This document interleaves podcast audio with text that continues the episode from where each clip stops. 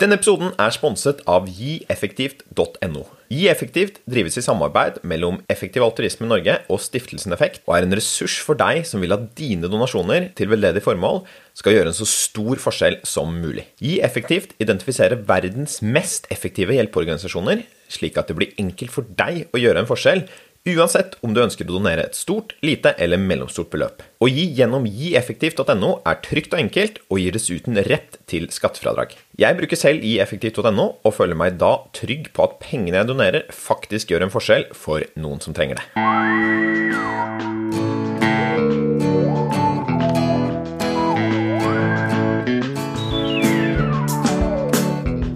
Hei alle sammen, og velkommen til Kvartlivskrise. Jeg heter Marius Jones, og dette er en podkast som handler om overgangen til voksenlivet, der jeg, sammen med gjester, utforsker hva som skal til for å leve et intensjonelt voksenliv. I denne episoden så snakker jeg med Bodil Fjelltveit, som er sauebonde og andre nestleder i Norges Bondelag. Vi snakker om det er greit å spise kjøtt fra dyr, hvordan norske dyr har det, hvilke dyr vi ville vært om vi ble født i morgen, og hvordan kjøttindustrien påvirker klimaet. Kjernen i diskusjonen jeg har med Bodil, handler egentlig om hvorvidt vi bør fortsette å spise kjøtt i Norge, eller om det er noe vi bør slutte med. Velkommen til en ny episode av Kvartlivskrise. Herlig. Da har jeg med meg Bodil Fjelltveit, som er sauebonde og nestleder i Norges Bondelag. Så velkommen til deg. Takk skal du ha. Og denne podkasten handler jo da om hvordan vi kan gå, hjem, eh, gå, frem for å leve et intensjonelt voksenliv. Altså et lov, liv som er i tråd med egne verdier. Og et viktig spørsmål som vi må ta stilling til da, er hvordan vi skal behandle andre. Og så har tidligere episoder av denne podkasten fokusert på hvordan vi skal behandle andre mennesker. Gjerne de vi har en sånn personlig relasjon til. Og nå skal vi snakke litt om hvordan vi bør forholde oss til alle ikke-menneskene i samfunnet vårt, eh, som faktisk utgjør det store flertallet. da. Så hvis vi begynner helt åpent, da. Hvordan forholder du deg til dyr i ditt liv, Bodil? Jeg er vokst opp på gård. Gårdsdrift det kan jo det kan egentlig være ganske masse forskjellig. Det er ikke bare dyrene som eh, vi forholder oss til, vi som er bønder. Men for meg så har dyr vært det som har vært mest interessant opp igjennom alle år, helt fra jeg var veldig, veldig liten. På den gården jeg driver i dag, så sa, du røpte jo at vi har sau på denne gården. Eh, ja. Og jeg, har, må faktisk si at jeg har, det flertallet av dyrene jeg har, det er bier. For det har jeg òg. Men eh, eh, på, den, på, denne gården så er jeg vokst opp, og da hadde vi litt av alt. Vi hadde melkekyr og gris og sau og høns og hund. Og... Så jeg har alltid elska det, som for så vidt som veldig mange unger. Og så har jeg det bare fulgt meg inn i voksenlivet. Og så skal jeg jo være den første til å innrømme at det som jeg liker aller best med dyrene, det er det å stelle dem. Ja nå, eh, nå, er det jo sånn at eh, jeg har sauer, men det å melke kyr, det har alltid liksom, det har vært det store i mitt liv. Og så kan jeg jo sikkert spørre hvorfor jeg har sauer i dag, da, men det er en lang historie, så den skal vi ikke ta her. Men det er litt sånn systematisk arbeid i det å ta, ha ansvar for dyr da, som passer meg veldig fint. Det kan nok ha litt med meg som person å gjøre, da. Men det å ha mest og best mulig rutiner for å legge til rette for at dyrene til enhver tid har det bra, det passer fint for meg som barn, og det passer godt for meg i dag som 37-åring. Og så syns jeg òg at det er spennende å følge dyret fra jord til bord. Og det er, det er, faktisk noe eget når en kan se at den tiden som du har investert i dyret sitt liv, det gir kvalitetsmat på bordet til slutt. For for meg så er det en sammenheng. Å få kvalitet, så må jeg gi kvalitet. Så mitt forhold til dyr det dreier seg for meg i dag om å gi dyrene mine et best mulig liv. Kult. Og så er du da også nestleder i Norges Bondelag. Vil du si litt om uh, hva den rollen går ut på, og, og, kanskje også hva Norges Bondelag er? Ja, Norges Bondelag vi er jo en, sånn sett en næringslivsorganisasjon. Vi representerer norsk landbruk og eh, bønder Eh, et faglag sådan. Vi har retten til å forhandle med staten en gang i året om inntektsmuligheter for den norske bonde. Så det er jo et ansvar som vi prøver å forvalte på best mulig vis. Og som andre nestleder så er jeg en del av det forhandlingsutvalget som er i forhandlinger med staten, blant annet da. Så det, for de som eh, følger godt med i media, så foregår jo det som regel i eh, april og mai. Eh, og det kan jo resultere både i at vi får til en god avtale, eller at vi som i år brøyt jordbruksforhandlingene. Og så jobber vi jo masse ellers i år òg. Det er ikke bare april og mai vi jobber med jordbruksoppgjøret, men vi jobber med veldig mange ulike temaer. Gjennom hele året så jobber vi med dyrevelferd, med klimaarbeid, med bærekraftig matproduksjon, lokal mat. Det er egentlig et veldig sånn vidt spekter. Altså, vi har 60 eh, 000 medlemmer. Eh, og jeg har nok ikke noe tall på hvor mange av de som er aktive produsenter bønder, men det er en stor andel av de som er bønder rundt i hele landet. Veldig kult. Jeg syns det er helt strålende at du har lyst til å være med på denne podkasten her og, og, snakke om et tema som jeg syns er veldig spennende. Og, og, dette er liksom Jeg tror det vi skal Jeg snakker om forholdet til dyr, ikke sant. Og det er jo mange måter å forholde seg til dyr på. Eh, og så tror jeg særlig oss som bor i byen, da, som er langt fra dyr og natur, så er jo den vanligste måten å forholde seg til dyr på, er jo at vi putter det i munnen når vi er sultne. At vi spiser dyr. Og det er jo også kanskje den viktigste grunnen til at vi har husdyr i Norge, er at vi ønsker å, å spise dyr. Um, og omfanget av på en måte dyr som spises, da, eller dyr i norsk husdyrhold, er ganske svært. da. Jeg har litt sånn tall på det som jeg syns er litt sånn gøy å gå gjennom i starten. da, At det er ca. 4,5 millioner høner i Norge i 2018. Uh, det er ca. 300 000 kuer i Norge, 1 million sauer, 70 000 griser. Det er ca. Um, 65 millioner kyllinger som slaktes hvert år. Og i 2020 så ble det slaktet 131 tonn svin, 85 tonn storfe og 24 tonn sau. Eh, og så er det også 3 millioner hannkyllinger av verperaser som um, tas livet av hvert år kort tid etter fødselen, fordi at de da ikke kan legge egg. Uh, og Jeg, jeg syns jo det er det som gjør, jeg synes liksom omfanget her er det som på en måte gjør det ganske interessant. da, For det er jo langt flere av disse ikke-menneskene enn det er mennesker i samfunnet vårt. Eh, og kanskje særlig hvordan vi spiser, da, er vel kanskje måten vi påvirker hvordan på en måte eh, livene deres blir, og om de på en måte blir født i det hele tatt. da. For når jeg ser på den listen, så tenker jeg på én side så er det jo veldig mye død. At det er mye som slaktes, eh, og at det på en måte hvert år slaktes et antall individer som langt overstiger Norges menneskelige befolkning. Også på den andre siden da, så kan man jo si at det er masse liv her også. da. Litt sånn som du er inne på her, da, at alle som på en måte ender opp til, eh, på et bord, de kommer jo fra jord, på en måte.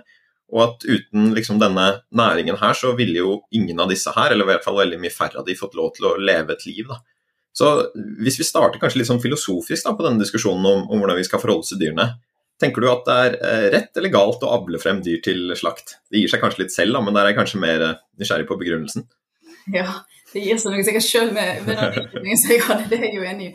Men aller først må jeg si at Når jeg møter dyrene mine, så tenker jo ikke jeg på mat. Og så sier jo du noe med at eh, vi mennesker forholder oss, altså måten vi forholder oss til dyr på, særlig i byene kanskje spesielt, at det å putte det i munnen vår når vi er sulten, det er liksom det som er, er kanskje sånn vi forholder oss til, til eh, iallfall produksjonsdyrene. da. Men sånn er det definitivt ikke for min del, og det har jeg allerede sagt litt om. Det er jo en gang sånn at Vi har et ansvar i å bruke de eh, til enhver tid tilgjengelige ressursene vi har. Eh, I de fleste land så eh, lever de jo av de ressursene en har rundt seg, og det gjelder jo òg dette landet som vi ikke kommer vekk ifra at eh, vi bor langt nord. og, og vi har begrensa med muligheter for å, å være selvforsynt på alle de produktene som vi ønsker å ha i kostholdet vårt. Mm -hmm. Så jeg mener jo f.eks. at vi ikke kan gjøre oss avhengig av importerte matvarer for å dekke protein- og fettbehovet vårt. Og så kunne, eh, Vi kommer sikkert inn på det senere, men, men dette med den begrensa ressursen som vi har med, med dyrka mark, og den jorda som vi kan dyrke både høyverdige proteiner på og gras på, eh, det tror jeg kanskje vi kommer inn på litt etterpå. da, men, men først og fremst så tenker jeg at vi har et samfunnsansvar i å sørge for mat til egen befolkning. Verden kjemper faktisk med å utrydde sult. Eh, og vi har et kjempestort ansvar i å møte det temaet òg så har vi, vi er et land med store beiteressurser i skog og fjell. 45% av landarealet vårt er utmark. Og det er jo overhodet ikke egnet til noe annet enn å gå gjennom en dyremage før han blir til høyverdige proteiner og fett i form av eh, slakta dyr. Da. Og For å utrydde sult så mener jeg at vi må ta i bruk alle de ressursene som vi har i Norge, og ikke legge beslag på andre land sine areal for å mette vår befolkning. Eh, så mener jeg at vi har et eh, ansvar på at flere kan få lov til å få ete godt. Og da mener jeg faktisk at vi har et ansvar å ta i bruk de ressursene vi har tilgjengelig. Og så er jo slakt en veldig liten del av hele livet til dyret. For meg så er det jo det viktigste hvordan dyret har det når det lever. Og da mener jeg at det er Jeg mener at det er farlig å dele verden inn i hva som er greit å drepe, og hva som ikke er greit å drepe. Mange vil jo ikke ete kjøtt fordi dyret kjenner lidelse, eh, og da har du på en måte lagt en grense.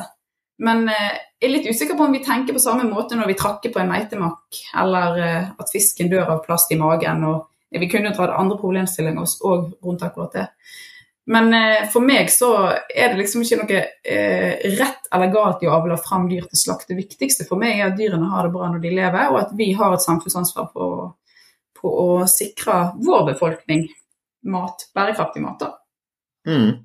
Det er spennende punkter alt sammen. og Jeg tror vi skal innom særlig disse miljøtingene og hva er, det, hva er det beste at vi gjør for at verden skal få mat på bordet. da. Mm. Um, og så tenker jeg likevel det er litt sånn, for På en måte sier du her at det kanskje ikke er noe rett eller galt når det kommer om til dette med å avle frem dyr til slakt, men så har jo du også gjort et valg i, i hvordan du på en måte lever ditt liv, da, som eh, er jo på en måte å leve et svar på det, som er svaret ja, liksom. Mm. Um, så du, du, har jo dyr som du avler frem til slakt. da.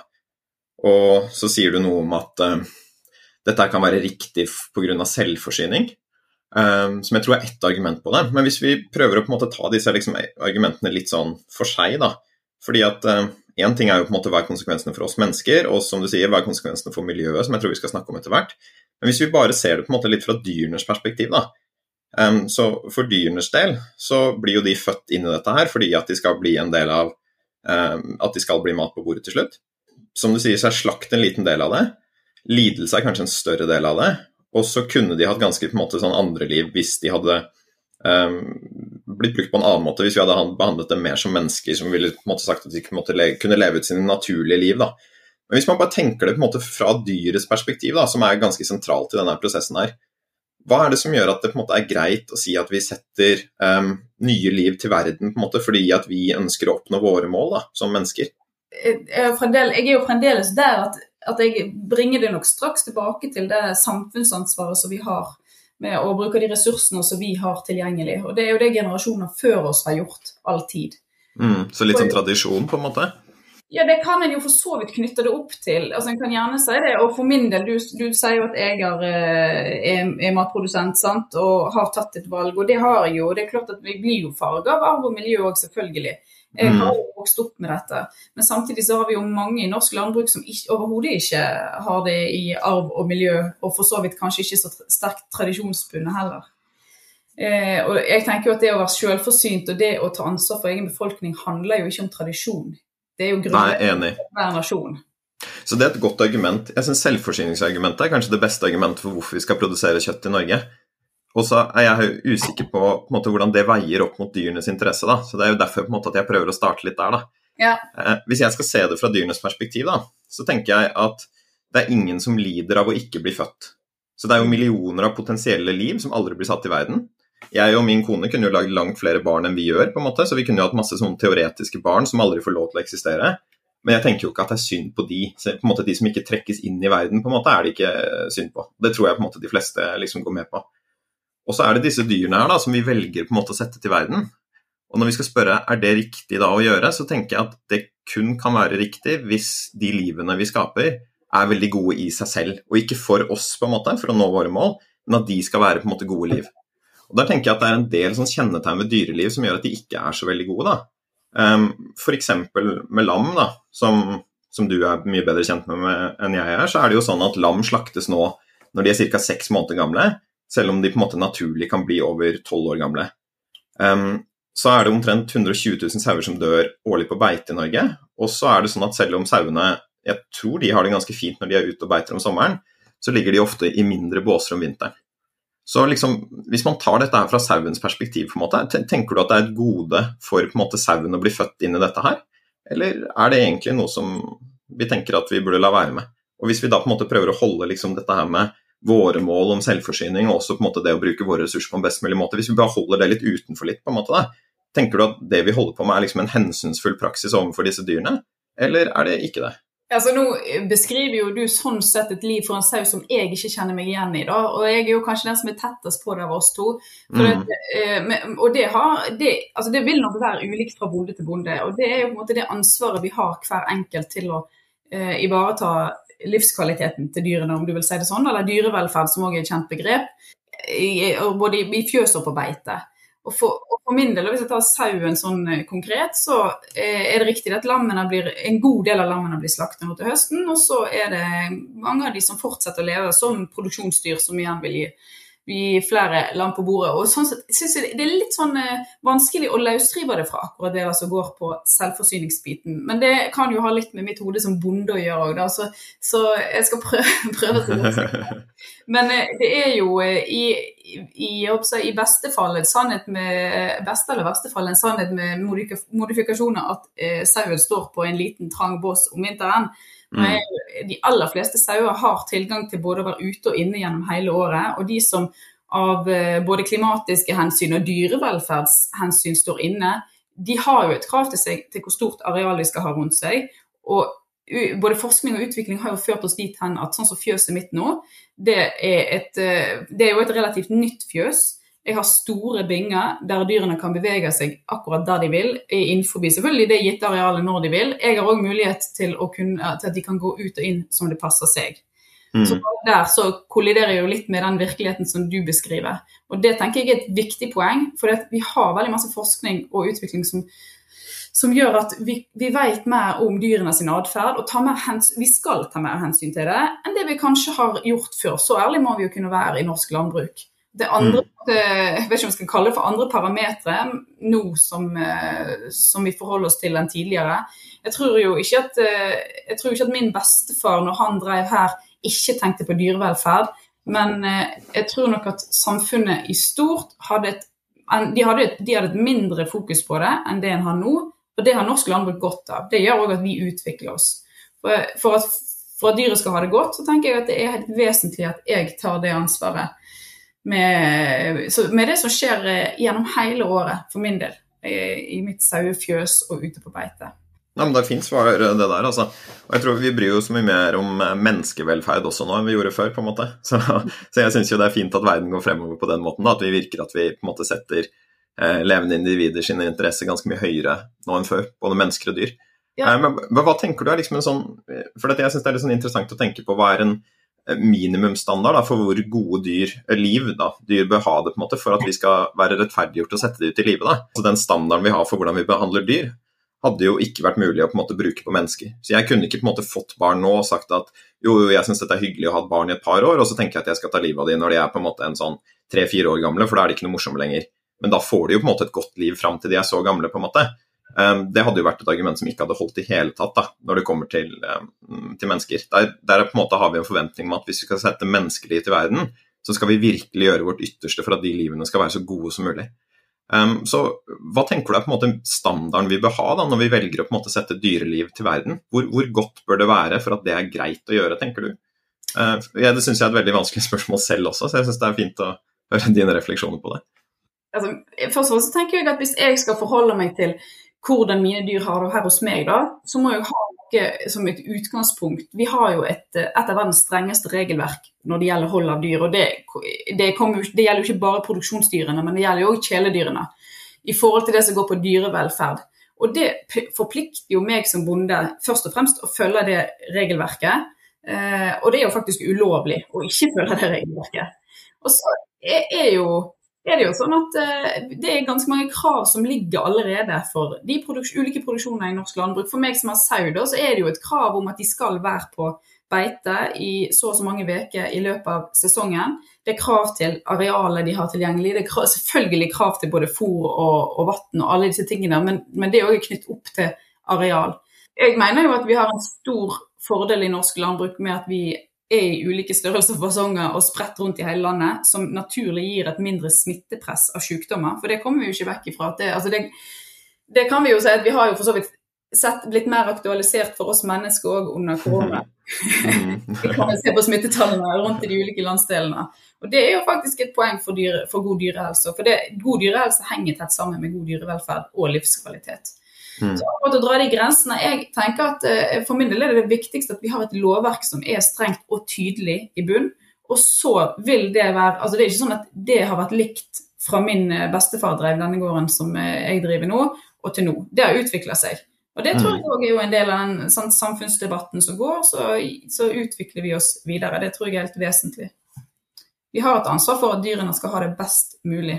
Ja, eller best mulig. Tenker du at vi har For at vi behandler jo dem ikke som om de skal ha det best mulig, vi behandler jo dem som at de på en måte skal ha det best mulig gitt liksom, de økonomiske forutsetningene vi har. da. Altså Hvis vi virkelig hadde gått inn for at dyrene skulle ha et best mulig liv, så hadde jeg, tenker jeg at vi hadde fått være langt flere av dem, og så hadde vi på en måte ikke slaktet dem, eh, men heller på en måte latt de leve ut sin eh, naturlige levealder, på en måte. Så, så, det er kanskje ikke best mulig vi går for, da, men vi går vel for noe som er på en måte godt nok. da, Og, og det jeg merker at jeg lurer på da, når jeg skal finne ut om jeg skal spise dyr eller ikke, er jo om dette godt nok er særlig bra, på en måte. Og Det, det syns jeg er veldig vanskelig å på en måte forholde meg til når jeg ser det liksom her fra byen. Da, for på en måte så har jeg ikke peiling. ikke sant? Det jeg kan gjøre, er å lese medierapporter og jeg kan se på statistikk. Um, og der er det jo en del ting som jeg syns skurrer veldig. da, F.eks. dette her med at det er tre millioner hannkyllinger som uh, på en måte sendes i sånne maskiner med hurtigroterende kniver hvert år fordi de ikke kan legge egg. Jeg skal ikke si at det er liksom noe som representerer bransjen som helhet, da, men det er jo godt innenfor det lovverket vi har. i hvert fall. Og det virker å være en måte å behandle dyr på som på en måte går langt under det jeg tenker er godt nok. da. At Hvis man skal på en måte sette en eh, hanekylling til verden, så må vi på en måte nesten ha en garanti for at livet ikke på en måte varer jeg vet ikke, et par uker før det på en måte ender opp i en sånn maskin med hurtigroterende kniver. Så, så liksom ser du, ser du, på en måte hvor det kommer fra fra min side, dette her med liksom en skepsis til om vi på en måte tar dyrenes velferd på alvor? da? Absolutt, og jeg tror at ganske masse henger sammen med akkurat det som du sier. Ditt utgangspunkt er at du bor i byen nå. det er gjerne et relativt fjernt forhold til det landbruket som jeg ser på nå. Da, sant? Her jeg sitter. Jeg holder jo til i en by, mm. Dialekten avslører meg, og det er Bergen. Men, men, men det, er, det, er, allikevel i utkanten, da. Så, eh, så, her er det fremdeles en del eh, landbruk igjen. Og jeg tror jo at det at vi som næring kan være mer åpne, og ikke mm. bare vise glansbildene, det er med, med å bygge kunnskap ute hos de som ikke er så tett på landbruket. Da. Og Når det gjelder hanekyllinger, så tenker jeg at en del av, bildet der ja, du, får, du beskriver et grotesk bilde, og jeg kan jo forstå at en, en fort tar avstand fra den måten å drive landbruk på. Men det som vi gjør i forhold til det eh, per nå, er jo at vi driver og forsker på måter å sortere ut de hanekyllinger på et tidligere tidspunkt som gjør at vi kan utsortere de før klekking. Mm, eh, så fint. Det, ja, det, det, tenker jeg er verdt å ta med seg. at vi, Dette er jo problemstillinger som vi jobber med, vi er jo klar over det. og vi også, eh, for, Jeg vil jo tro at for de som eh, driver med, med verpehøns, så er det, er det, jo ikke det kjekkeste de gjør i, i løpet av en årssyklus når de kommer til det punktet der. Da. Så det, det, er viktig at vi fortsetter med den forskningen, og at vi kan komme et hakk videre. da. Eh, mm. Men det er jo klart at uh, utgangspunktet mitt for gårdsbruket her, og for de fleste bønder i dette landet, er jo at vi ønsker å levere det som forbrukeren etterspør. Og når mm. forbrukeren da etterspør egg, sant, så er det jo verpehøne som er svaret på egg. Og, eh, og hanen legger ikke egg. Det er på en måte så enkelt og så vanskelig. Så mm. der, ja, det, det, er vel egentlig det enkle og det vanskelige svaret på akkurat det.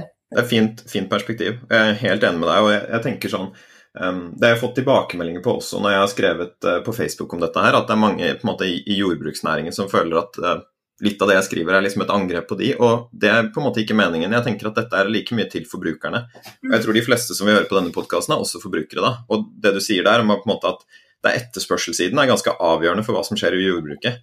Så hvis forbrukere legger om vanene sine på en måte, og spiser noe annet og etterspør noe annet, så vil også produksjonen endres deretter. da, sånn jeg forstår Det riktig. Det har jo historien vist seg for norsk landbruk, men så er jo det, det som ligger i bånn, er jo de ressursene som vi har. Og det er jo det at vi har, vi har mest mulighet for å produsere gras i dette landet.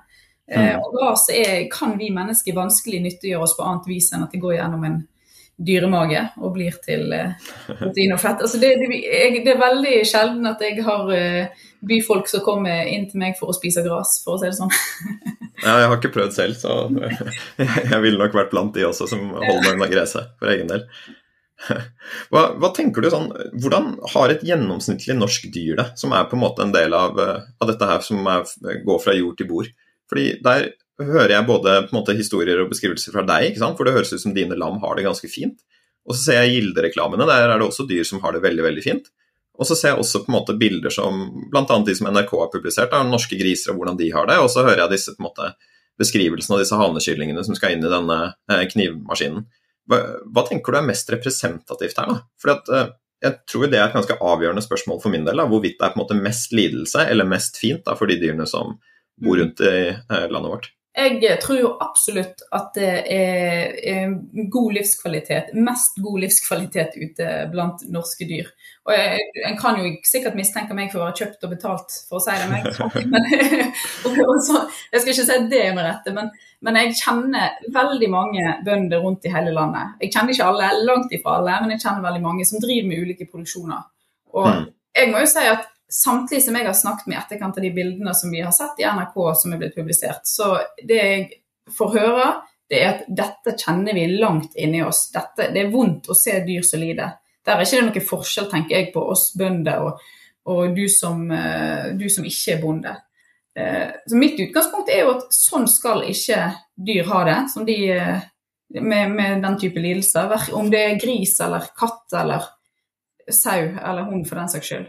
Dyr skal behandles godt. Og det har jeg stor tro på at det lovverket vi har, det gjør at vi har eh, Det skal være sånn. Og så vil det jo alltid være så Vi har jo lover i Norge som, eh, som, som mennesker òg bryter, og det får konsekvenser for. Og sånn er det jo òg i landbruket. Det er Mattilsynet som skal, eh, skal, skal, håndheve regelverket. Det mener jeg er veldig viktig. Og jeg tror at det, Eh, vi i Bondelaget har jo sagt at eh, vi ønsker flere tilsyn velkommen. For jeg mener at vi er helt avhengig av tillit til næringen for å kunne fortsette produksjonen vår. Da, vi trenger overhodet ikke de bildene som vi så. Vi trenger flere tilsyn, og vi trenger eh, å få gjort endringer og kursendring der det trengs.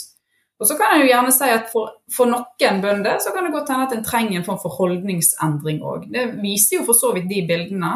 Selv om vi trenger ikke gå langt inn i de bildene, for de er jo blitt tatt på tatt med litt sånn ulike framgangsmåter som ikke vi støtter på noe vis. da. Men eh, jeg kjenner veldig mange flinke bønder. Jeg har vært inne i utrolig mange norske fjøs og kan skrive under på at det som jeg har sett med mitt øye, som er nå et forholdsvis godt trent øye på dyrevelferd, det er iallfall ikke sånn representativt for de bildene som vi ser. Og så for Det fritar oss jo ikke fra noe, fra noe, ansvar på å jobbe videre med det, tenker jeg. Mm. Vi som næring er nødt til å ta tak i det, og det har vi gjort òg. I form av dyrevelferdsprogram som eh, vi plikter oss å følge, som skal, skal løfte dyrevelferden i norske fjøs. da. Mm. Så at Det som faktisk er den viktigste enkeltfaktoren for god, for god dyrevelferd, for at dyrene mine skal ha det bra, det er jo meg som bonde. Så hvis jeg ikke har det bra, så har ikke dyrene mine det bra heller. Hvis ikke jeg vet hva jeg skal se etter i fjøset mitt, hvis ikke jeg bruker tid med dyrene mine, så klarer jo jeg heller ikke å fange opp eh, om hvordan dyrene har det. Nei, kult. Og det er jo veldig hyggelig å høre da, at uh, selv om vi ser på en måte bilder som er kjipe, så, så, er ikke det noe som er på en måte representativt. Og også så er det jo jeg, jeg, ser jo for meg at det biter enda mer for dere som jobber med dyr, enn oss som sitter i byen. på en måte. Jeg tror du har et, et helt annet forhold hvor det, du er mye nærmere på dyra enn, enn på en måte jeg som sitter her og ikke møter dem. Så jeg ser jo, det gir jo veldig mening når du sier at det, det gjør vondt for dere også på en måte å se på de bildene som kommer ut der.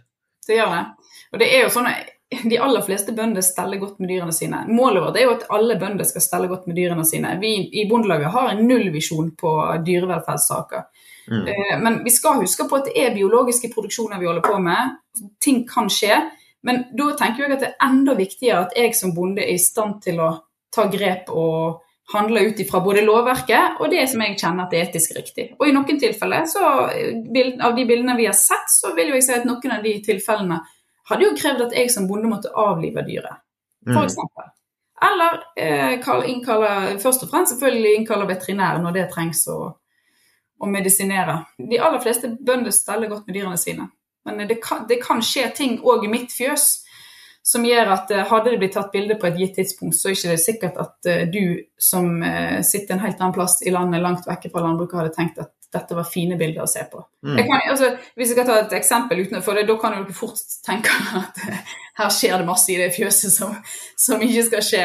Og det håper jeg virkelig ikke at det er tilfellet i mitt fjøs. Men, men nå er vi midt i sauesankingen her i mitt område, og jeg får jo et og annet lam ned fra fjellet som halter, som kanskje har knekt en fot i fjellet, som vi ikke har oppdaga underveis i beitesesongen, eller at det skjer noe i forbindelse med sauesankingen. Da er det jo mange dyr som skal ned på en gang. Og vi kan jo sjøl tenke oss hvordan det hadde vært hvis mange mennesker skulle ned fra fjellet på en gang. Så kan ting skje.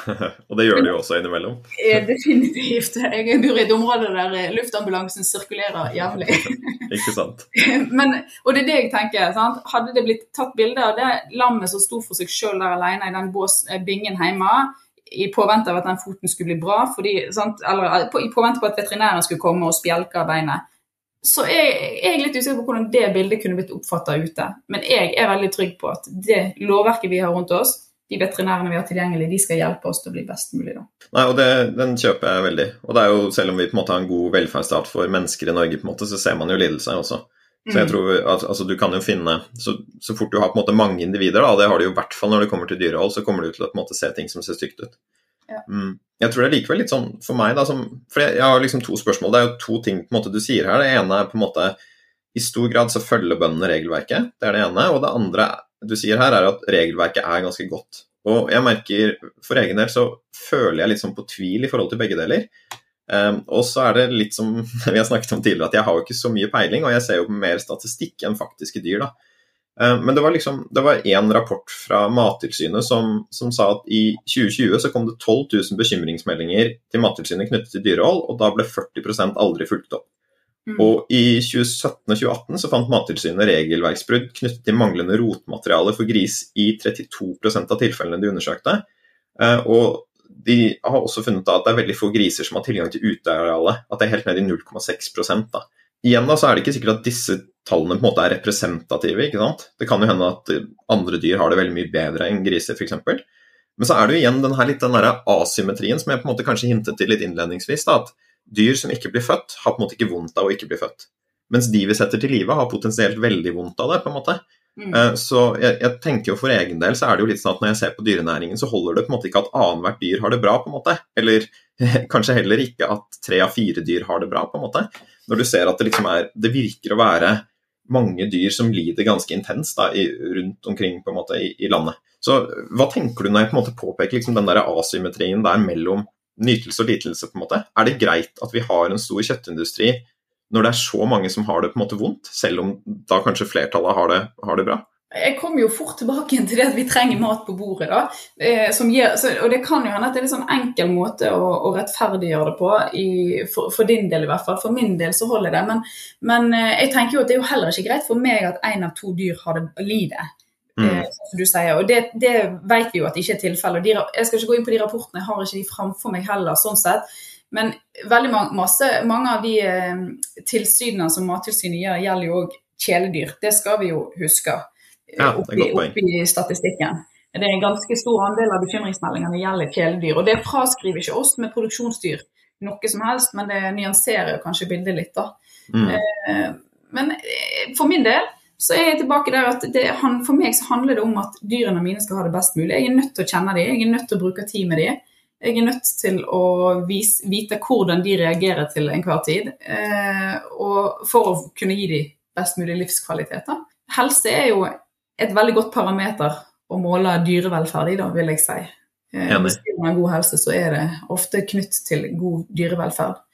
Eh, og en av fordelene for sauene hos meg vil jeg si at de lever et naturlig liv her hjemme. Våre sauer, de, det sa jeg jo, de er inne i fjøset vinterhalvåret, men de har mulighet for å kunne være ute for lufting.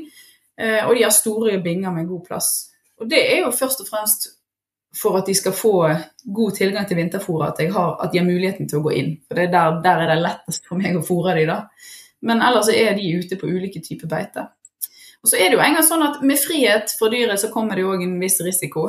Eh, det, og Du snakket om eh, tilsynsrapporter som viste at griser ikke har tilgang til uteområder. Men det kommer jo veldig an på hva type produksjon med svin du driver. Det er jo ikke krav til at de skal ha uteområde i alle typer produksjoner. Økologisk er jo det et krav om eh, å ha det.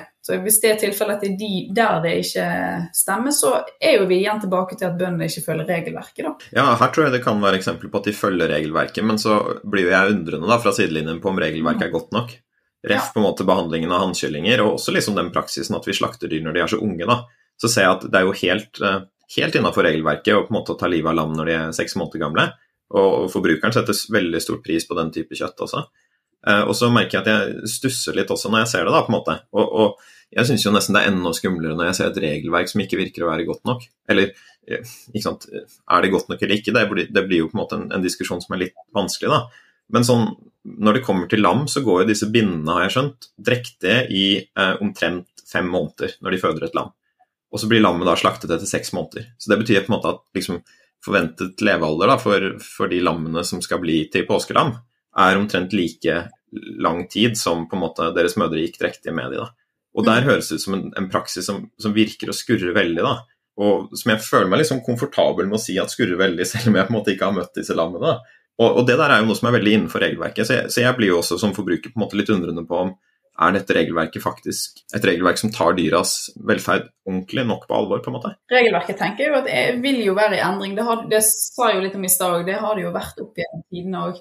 Eh, og det med at vi slakter lammene etter et halvt år, det er jo mange Det er flere ulike grunner til det. da. Det ene er jo det at forbruker ønsker det kjøttet på det tidspunktet. Det handler om kvaliteten på det og størrelsen på dyret. Jeg tror mm. kan jo hende du har blitt overraska når du så et lam på seks måneder. Jeg har noen som har gått hjemme på beite, gått hjemme på beite i sommer. Og, og, min bestefar på 92 år han kommenterte det den dagen at nå løfter jo lammet mor når det drikker av det. Eh, og det, det, er jo helt sant. Det er like stort som, mor, som mødrene sine. Og det, det tenker jeg altså, Grunnen til at det slaktes på det tidspunktet, handler først og fremst om at det er det forbruker ønsker av kjøtt. Vi har jo prøvd ulike andre innfallsvinkler til det, og slakter lammene senere uten at uh, altså vi ender tilbake til der det Så Det mm. handler om kvaliteten. Og så er det jo litt denne syklusen, årlige syklusen da, i et sauefjøs som gjør at det er høsten er det best egnede tidspunktet. Både i forhold til antall dyr du skal ha innom vinteren og skal ha nok fôr til, som òg handler om ressurser igjen sant, gjennom vinteren. Og det er for så vidt det er jo mange gode, gode grunner.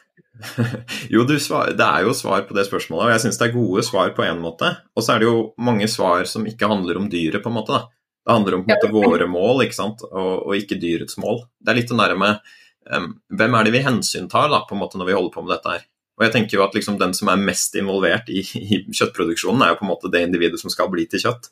Uh, og, og, det virker som at det kommer et stykke bak da, når vi på en måte skal peke på argumentene eh, frem og tilbake for hvorfor vi skal gjøre det. At liksom Først så kommer litt sånn hva er det vi vil ha, og hva er det forbrukeren vil ha på bordet sitt, og så er det litt dette her med å på en måte bruke jorda vår eh, best mulig og bruke de ressursene vi har. Og så virker det da som på en måte at hensynet til dyrets ve og vel liksom kommer i tredje rekke, og så går, gjør vi så godt vi kan med det, da. men ikke til enhver pris, liksom. Til en ganske på en måte sånn pris som er veldig kompatibel med at vi skal få til det vi vil, og at vi skal bruke jorda på den måten vi har lyst til. da. Og så tenker jeg jo at eh, Det var for så vidt litt sånn dumt å si svar på spørsmålet ditt, for dette, jeg tror jo ikke det er et svar på spørsmålet mitt. For, for sant, Du har valgt noe for din del, og jeg velger noe for min del, som, mm. som er på en måte fasiten i våre liv. da. Eh, det, så det tenker jeg er jo, er jo, litt av poenget med å liksom filosofere litt rundt det òg, for å dra opp fordeler og ulemper. Men ja. eh, i forhold til det med lammet sin syklus, da, så tenker jeg at det er, er mm, klart både fordeler og ulemper med å ha lammet lenger enn til høsten. Altså Det ene er jo det som er sammen med fôret. Og du, du, du, drar jo liksom at det med, med forbrukermakten og sånn, så det er det viktigste for bonden.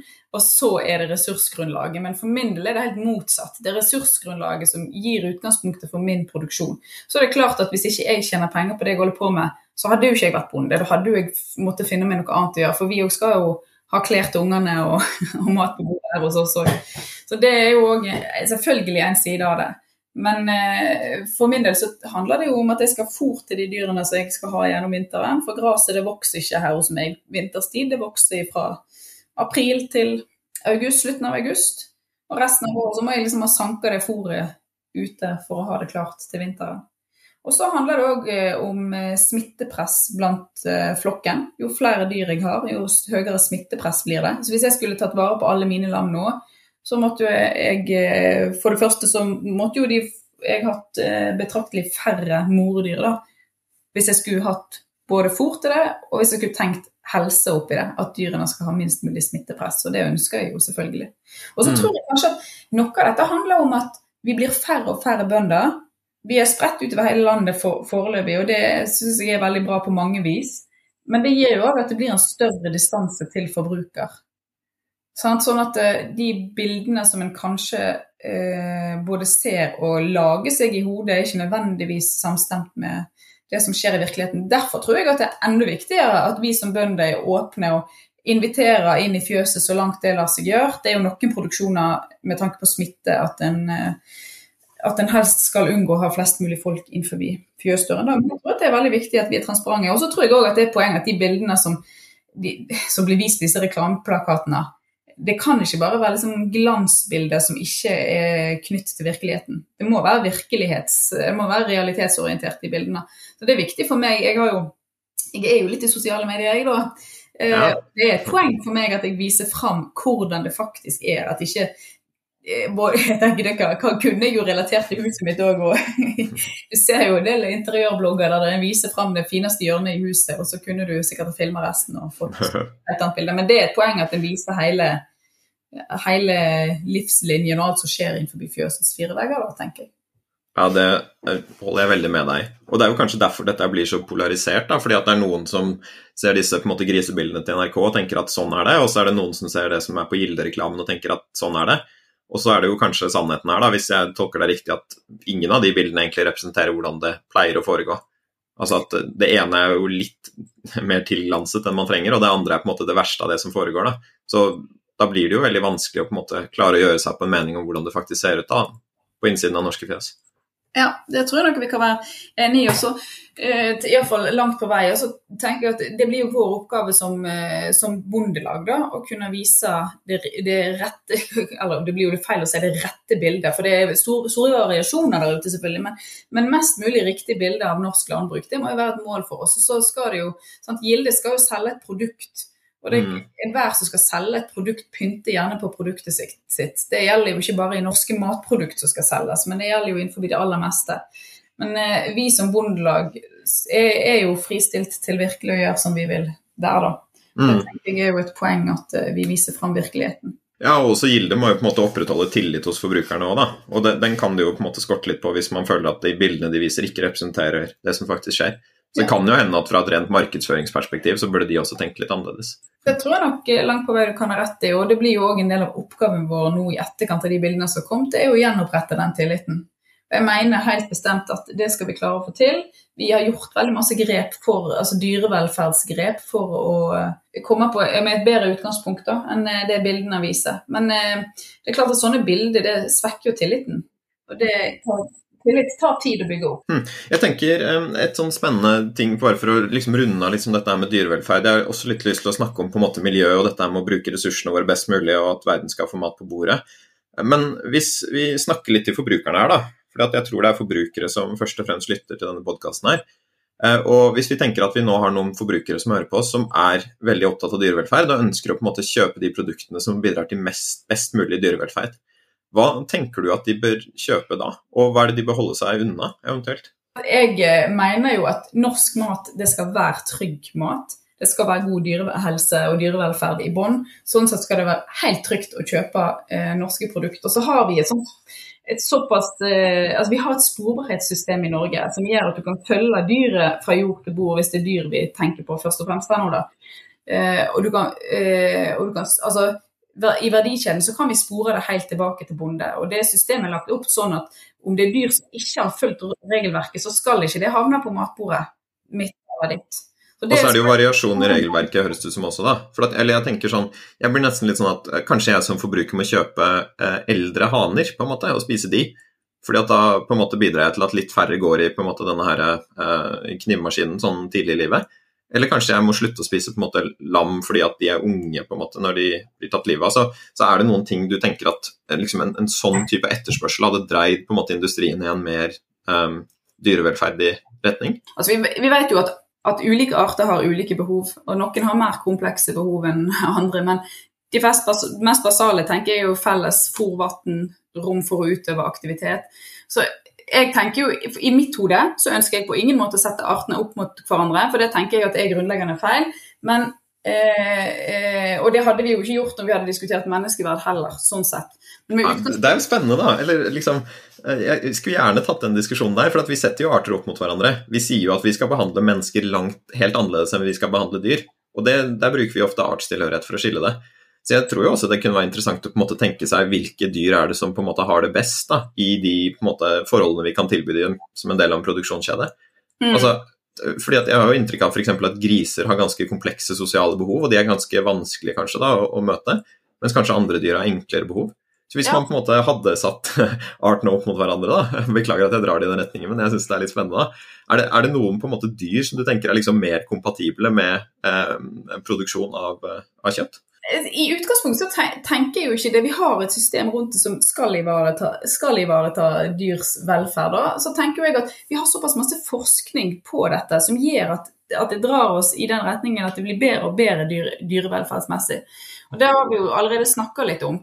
Med, med, gris så det jo, ligger det jo masse krav inne nå både om rotemateriale og miljøberikelser som gjør at de får utøve sin, eh, sin atferd. Og det gjelder jo på kyllingen òg, så har en jo skal en jo både ha mulighet for å kunne klatre og strøbade. Og, det, en, og det, det, er jo med utgangspunkt i den naturlige atferden til dyra. Og det er jo klart at sånn, altså det tenker jeg er jo helt, helt grunnleggende for meg som bonde at at jeg vil jo sauen min skal oppføre seg mest mulig som eh, Altså eh, innenfor fjøsets fire vegger, eh, likt som man ville gjort utenfor fjøsets fire vegger. Og Derfor så har jeg en del tiltak i mitt fjøs, både med tanke på areal. I lammene mine der har jeg faktisk noen sånne leker som henger fra taket, både, så de kan, og noe vippebrett og noe litt sånn forskjellig som, som gjør at de kan aktivisere seg. Og jeg ser jo at det gjør noe med, med trivsel til dyrene. Derfor så velger jeg å gjøre det sånn. Men så tenker jeg at vi har jo valgfrihet når vi står i butikken, eller hvis du er på Bondens marked, eller hvor du handler maten. da. For meg som bonde så tenker jeg at det er en styrke om det er en styrke om du som forbruker har noen spesielle preferanser eller ønsker. Og vi produserer jo innenfor alle mulige kategorier. Og sånn mm. har det jo blitt. Vi er jo fort tilbake at det er blitt sånn fordi forbrukere har hatt ulike ønsker til produktene opp igjennom. Så jeg som bonde jeg ønsker å selge varene mine, og på den måten så har det jo på, på mange måter blitt en produktutvikling. da. Og vi leverer et mangfold av produkter og produksjoner. Og da tenker jeg at Hvis du har særlig preferanse, f.eks. hvis du tenker på kyllingproduksjon, da, for det finnes jo ulike produksjonsformer innenfor kyllingproduksjon, det har du rett i. Eh, noen driver jo f.eks. økologisk. Og i praksis så vil jo det si bl.a. at dyrene kan velge om de skal gå ute eller inne, iallfall store deler av året. Eh, og hvis du er opptatt av det, så kan du jo se etter økologisk merke. Mm. Handler du på bondens marked, så treffer du jo bonden i levende livet. Du kan spørre og du kan grave så mye du bare vil. Og det liker faktisk vi som bønder òg, da. Og det er jo en mulighet. Men jeg tror at til syvende og sist, hvis jeg tenker i bærekraftsperspektiv, som er viktig for min del, da Jeg tenker bærekraft på min gård eh, Jeg skal ikke si at jeg tenker det fra jeg står opp til jeg går og legger meg, men det ligger, det ligger sånn grunnleggende i ryggmargen min, da. Men da tenker jeg at kjøp norsk, først og fremst. Sant? Og vi har jo en del produkter som kun er i sesong, og da er jo det et poeng. Kjøp de produktene i sesong. Og det aller siste tenker jeg er jo å spise opp maten. Men norsk er aller viktigst, eh, og, mener jeg, i et sånt bærekraftsperspektiv. Men vi kaster ekstremt masse mat i dette samfunnet her som vi kunne ha spist. Ja, og det blir jo dumt uansett hva man spiser, som du sier. Ja. Nei, jeg syns det, det, er interessant å tenke på det, altså. For jeg, jeg har jo liksom prøvd å tenke litt på hva Hvis jeg skal tenke på dyrevelferden, da, og hvis jeg skulle spist animalske produkter, hva ville det vært da? Og Der er det jo ulike ting som trekker meg i forskjellige retninger. Um, en ting som jeg har tenkt, er jo kanskje at jeg bør spise hvaler. fordi at uh, da kan du få ganske mange kalorier per eh, hval uh, du tar livet av, på en måte. Mm. Det er jo en, en, stor kontrast til et rekesmørbrød, f.eks., hvor du må på en måte ta livet av ganske mange for å liksom uh, bli mett i middag.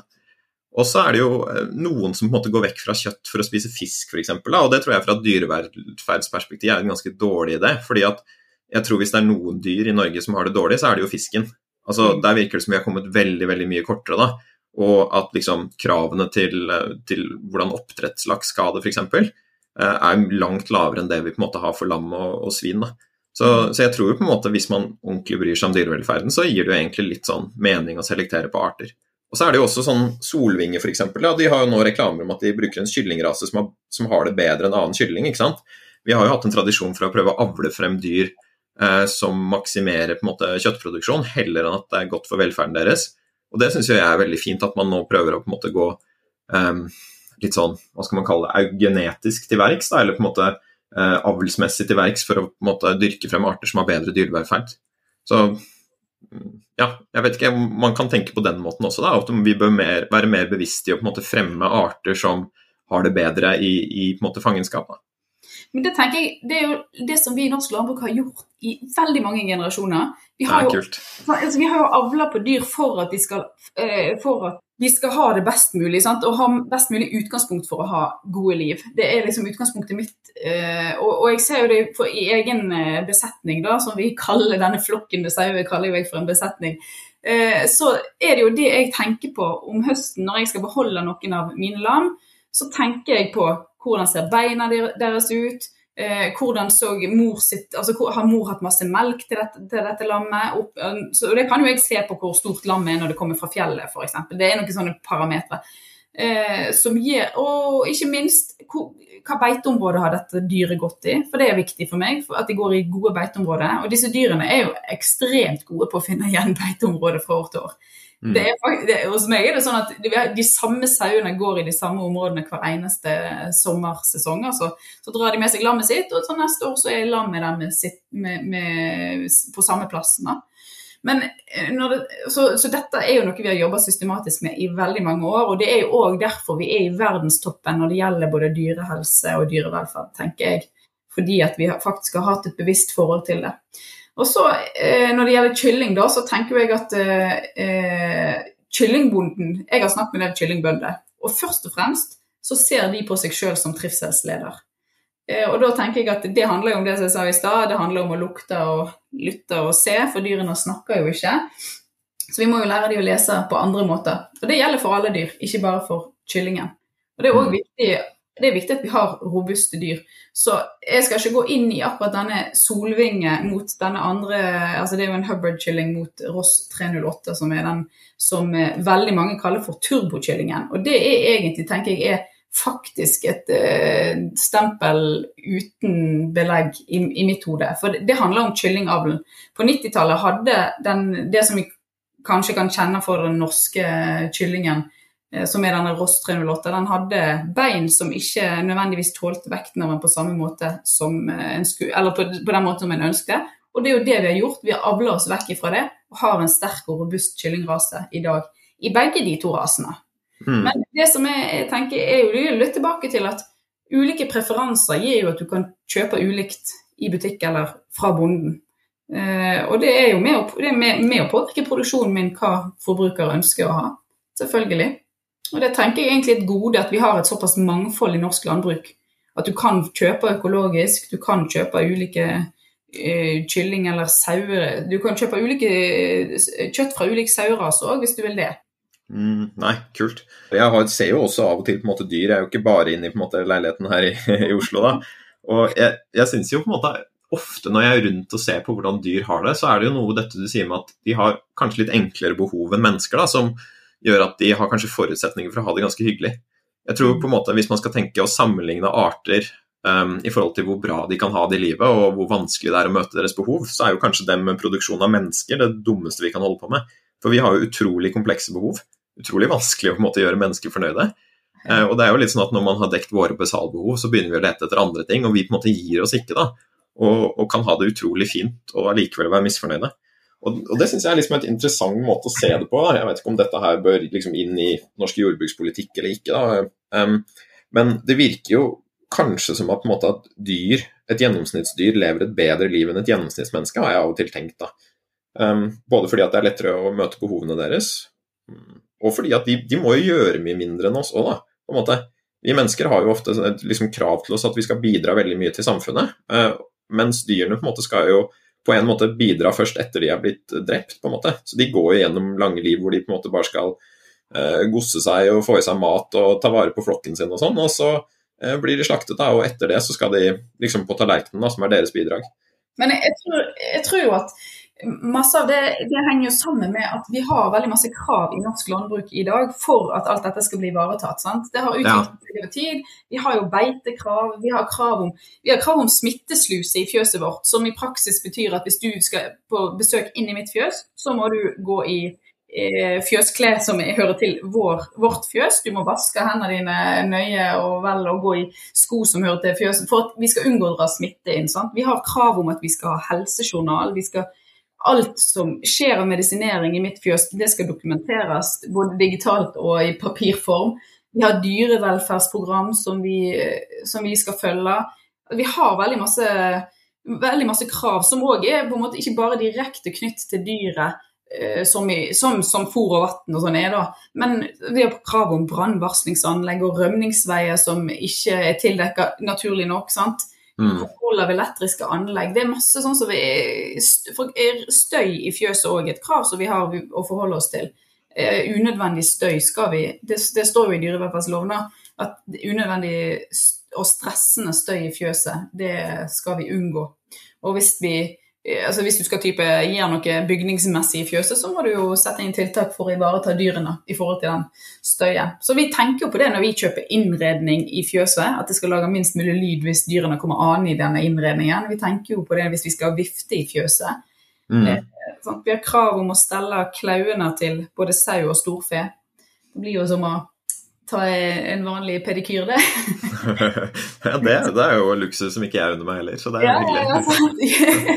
ja, men jeg tror at det henger tett sammen med akkurat det. da. Og det er jo eh, Verden har gått framover, og, og, og, og bonden har Om ikke alle bønder har omfavnet dette, så Mm. tror jeg at dette har ført landbruket i en positiv retning. da. Og jeg tror det er viktig for norsk landbruk at vi har, eh, har en del regler og krav som vi må faktisk sjekke av på. Kult. Hvis, hvis, du, hvis jeg spør litt sånn filosofisk her, da. Hvis eh, du skulle bli født i Norge i morgen, og du kunne valgt hvilken art du skulle vært på en måte, Du hadde ikke visst så veldig mye mer om det, på en måte, så hvis du ble en sau, så er det litt å rulle terningen om, om du blir en av de som skal leve lenge eller leve kort, så, så det vet vi ikke. Men hvilken art ville du valgt da? Og her kan du også svare menneske, da. Hvis vi går litt tilbake til at det er ikke sikkert at det er faktisk menneske det er best å være. Så Hvis du blir, på en måte blir født i morgen da, og tenker at nå skal jeg velge den arten som maksimerer min måte velferd, da, gjennom, eh, eller forventede velferd i det livet som kommer, hvilken hadde du gått for da? Ja, altså, eh, jeg tror jo at jeg fort hadde valgt en drøvtygger hvis jeg Aller først hadde jo jeg ville vært menneske, jeg har et veldig fint liv det, som jeg har. Har men okay. vekk ifra det, da, hvis jeg tenker at jeg hadde hatt det litt vondere enn det jeg har Ja, men Det har ikke, det har ikke hvassere enn sauene dine, liksom?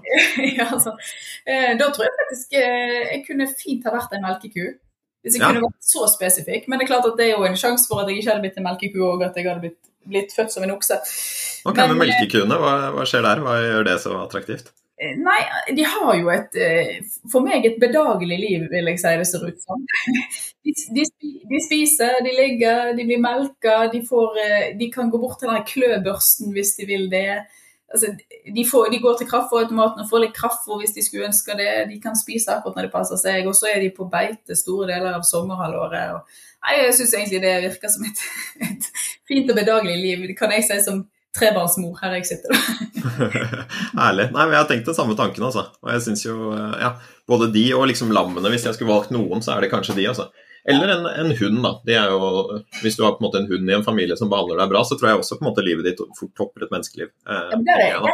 er jeg faktisk litt uenig. For jeg ja. tenker, den, ja, jeg tenker på den hunden som, jeg, som, som står inne ni timer hver eneste dag mens eh, matmor og matfar er på jobb. Det er jeg jammen ikke sikker på om det er det livet jeg ville hatt. Nei, det er kanskje sant. Du må ha litt bedre forutsetninger enn det. Det virker som det bare er mer sånn på en måte hvordan de er skrudd sammen i hodet. da, Så ser det ut som de blir så veldig glade når de har det bra, på en måte. Og så går det litt fort over når de, ikke er så fornøyde. Men ja, god behandling er sikkert en forutsetning for at eh, noen skal ha det bra uansett hvem de er. Um, jeg tenkte sånn litt eh, å snakke om litt eh, klima og miljø. Du snakker litt om dette med at vi skal eh, um, ta litt ansvar for at verden får mat på bordet, og at Norge, eller norske befolkningen får mat på bordet, og at vi bruker jordas ressurser på en så god måte som mulig. da. Um, og så har jeg gjort litt research og prøvd å liksom finne ut på, på måte, hvordan er det dette her med uh, å spise kjøtt kontra å ikke spise kjøtt påvirker klimaet.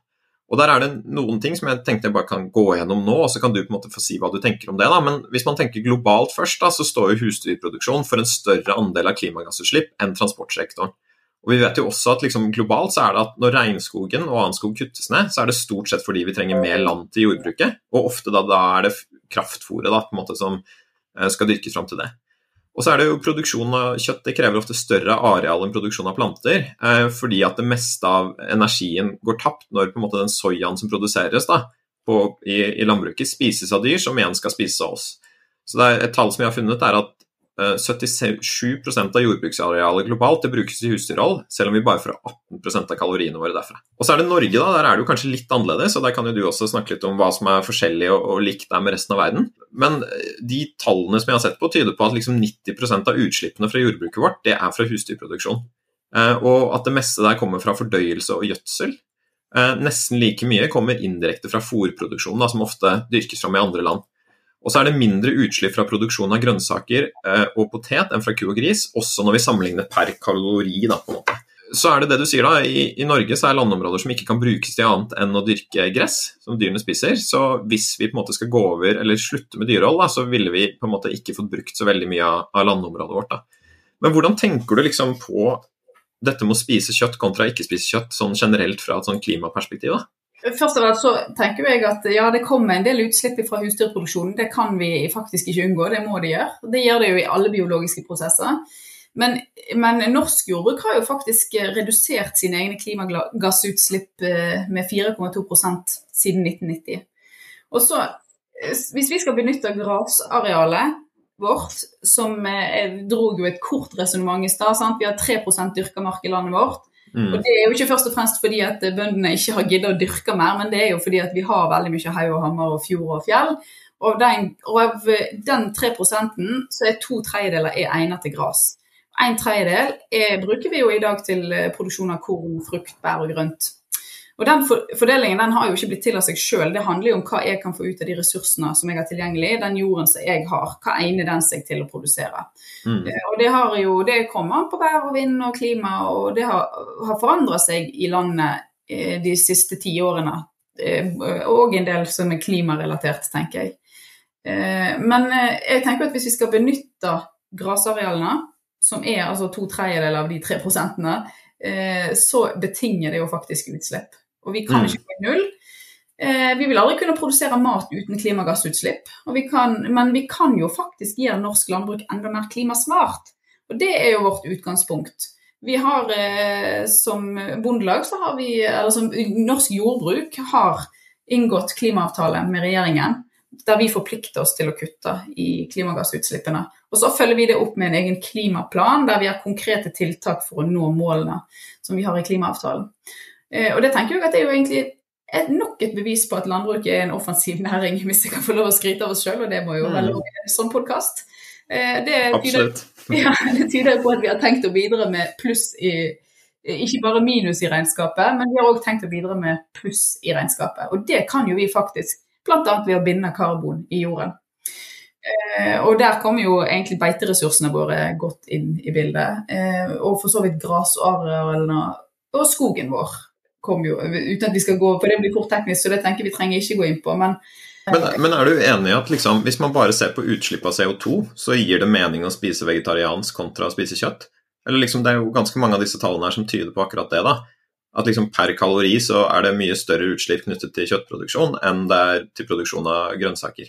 Det kan en jo sikkert se ut ifra tallene, men vi er jo fort tilbake igjen til ressursgrunnlaget òg, da.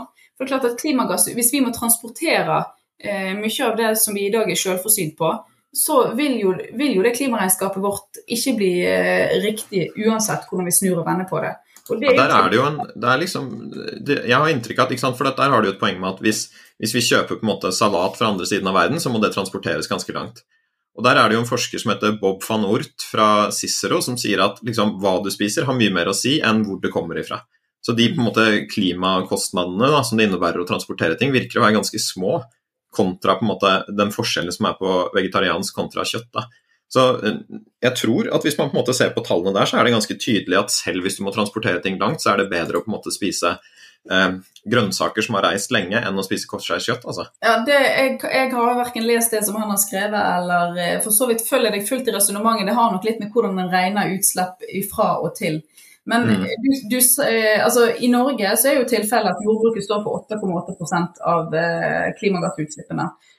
Eh, og transport står for 32% sant? Så vi må, jo, vi må, jo, kunne se det i sammenheng. Og så fraskriver jo ikke det oss der heller noe ansvar. Og det er jo derfor vi har kommet med en klimaplan. fordi at FN sine bærekraftsmål de er jo veldig tydelige på at Og de har vi jo òg forpliktet oss på.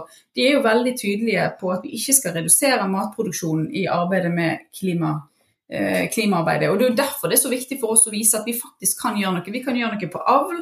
Vi kan avle på dyr som slipper ut mindre metan. Vi kan ha tilsetningsstoff i fôret som ikke er type tilsetningsstoff som vi tenker når vi tenker E-stoffer og annet, men naturlige tilsetningsstoffer som gjør at, at uh, drøvtyggerne våre slipper ut mindre metan. Mm. Uh, vi har uh, Klimaplanen til landbruket så har vi åtte konkrete punkt som går både på avl og på fòring og på biogassanlegg, på biokull, hvordan vi utnytter gjødsel best mulig for å unngå at metan slippes ut.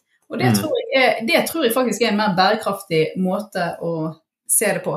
Det er jo sånn at det, det er flere og flere som nå sier at skal vi nå FN sine bærekraftsmål, så er det jo sånn at vi kan ikke se på ett og ett eh, ett og ett punkt hver for seg, eller ett og, ett og et mål mm. for seg. Vi må se alle i sammenheng. Men det viktigste og mest avgjørende vil jo være å få bukt med verdens uh, sult og fattigdom. Og Da er vi faktisk ikke fristilt fra noe ansvar i Norge. Da må vi produsere på de ressursene som vi har. Mm. og jeg synes det, det, beste poenget er igjen da, dette med at liksom, det er mye område i Norge som vi ikke kan dyrke annet enn gress. ikke sant? Og Hvis vi da skal på en måte tenke at vi skal mette så godt som mulig med det området, så burde vi på en måte ha noen dyr som beiter der som vi kan spise i etterkant.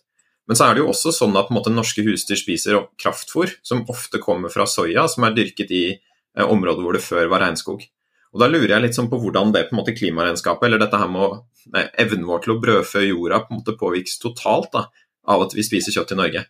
Fordi at hvis vi på én side skal si at vi må ha på en måte dyr som går rundt og beiter i Norge fordi at vi må um, oppføre oss på en måte som er best egnet for å brødfø hele kloden, men så spiser vi samtidig på en måte kjøtt fra um, dyr som har spist kraftfôr som på en måte kommer fra nedhugd regnskog andre steder av verden, så trekker vi jo det helt i andre retningen. da. Så altså, hva er det som gjør at vi på en måte kan forsvare å ha um, kyr f.eks. i Norge da, som spiser soya som kommer fra områder hvor det har vært regnskog. For det er jo ikke områder som bare kan brukes til å dyrke ting som skal til eh, dyr. Der kunne man jo også bare dyrket vegetariansk kost da, som hadde gått rett i menneskene, og så hadde man mistet det på en måte energitapet som en konvertering til kjøtt gir. Ja, der føler jeg det langt på vei. Bondelaget Jeg er ikke noe uenig med deg i at det der med, med soya fra land med regnskog, det er vi nødt til å gjøre noe med. Og vi har en veldig offensiv politikk på akkurat det. Vi har vedtatt det i vår organisasjon, at det skal vi vekk ifra. Det, ja, men, men det, det, kan jo ikke fases vekk på 1, 2, 3, for det vil få konsekvenser for norsk landbruk igjen. Og vi må ha, vi må ha protein i fôret. Det kommer ikke vi vekk ifra. Hvis dyrene skal ha et godt liv, som vi har snakket masse om, så må vi ha tilgang til protein i fôret. Så da, da er vi jo fort inne på forskning og utvikling. Så der foregår det jo masse i, både innenfor landbruk og fisk i dag. Og forhåpentligvis kan vi samarbeide enda mer med det, for, for, eh, for fisken eh, henter jo iallfall masse protein eh, fra fra tilsvarende eh, områder som oss. da.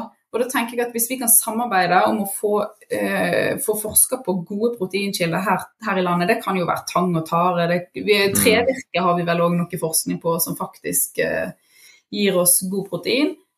Og så er jo kunsten da å få det inn i eh, kraftfôrresepten. Så tror jeg at vi iallfall kommet langt på vei. Eh, og det, der har vi et ansvar. Så det, det, det har vi tatt på alvor å jobbe med gjennom mm. Det er jo en del av de tingene som vi jobber med utenom jordbruksavtalen. ikke sant. Nei, og det er der jeg nesten at jeg tenker som vegetarianer at jeg gjør det på en måte litt lettere for dere. da, fordi at Når jeg på en måte velger å ikke spise kjøtt, så demper jeg jo på en måte etterspørselen etter kjøtt. Og Da blir det jo på en måte mer forsvarlig å ha færre dyr. ikke sant? Og jeg ser for meg på en måte at Hvis si 10 flere av Norges befolkning hadde sluttet å spise kjøtt i morgen, så hadde det jo kanskje vært lettere på en måte å ha også drøvtyggere i Norge uten å trenge å importere kraftfôr fra utlandet. Altså Gir ikke det litt mening at, at hvis, hvis, vi på en måte demper etterspørselen litt, da, så kan på en måte den eh, eh, proteinrike kosten som vi klarer å produsere lokalt, være tilstrekkelig for de kuene? Altså for jeg tenker jo liksom, Meg som vegetarianer så er ikke det sånn Det betyr ikke at jeg syns at norsk jordbruk skal legges ned, på en måte, men jeg bare har et bilde av at det spises for mye kjøtt i Norge i dag, da, sånn totalt sett. Hvis vi f.eks. skal på en måte klare å slippe å være på en måte uh, avhengig av kraftfôr fra uh, områder hvor det har vært regnskog før. Så, så, kan man på en måte se det litt på den måten, liksom. At det hadde vært litt fint hvis etterspørselen hadde gått ned noe. Altså, jeg, jeg er jo fremdeles tilbake til at det viktigste for oss er at vi spiser norsk først og fremst. Vi importerer jo veldig masse kjøtt i, i dag.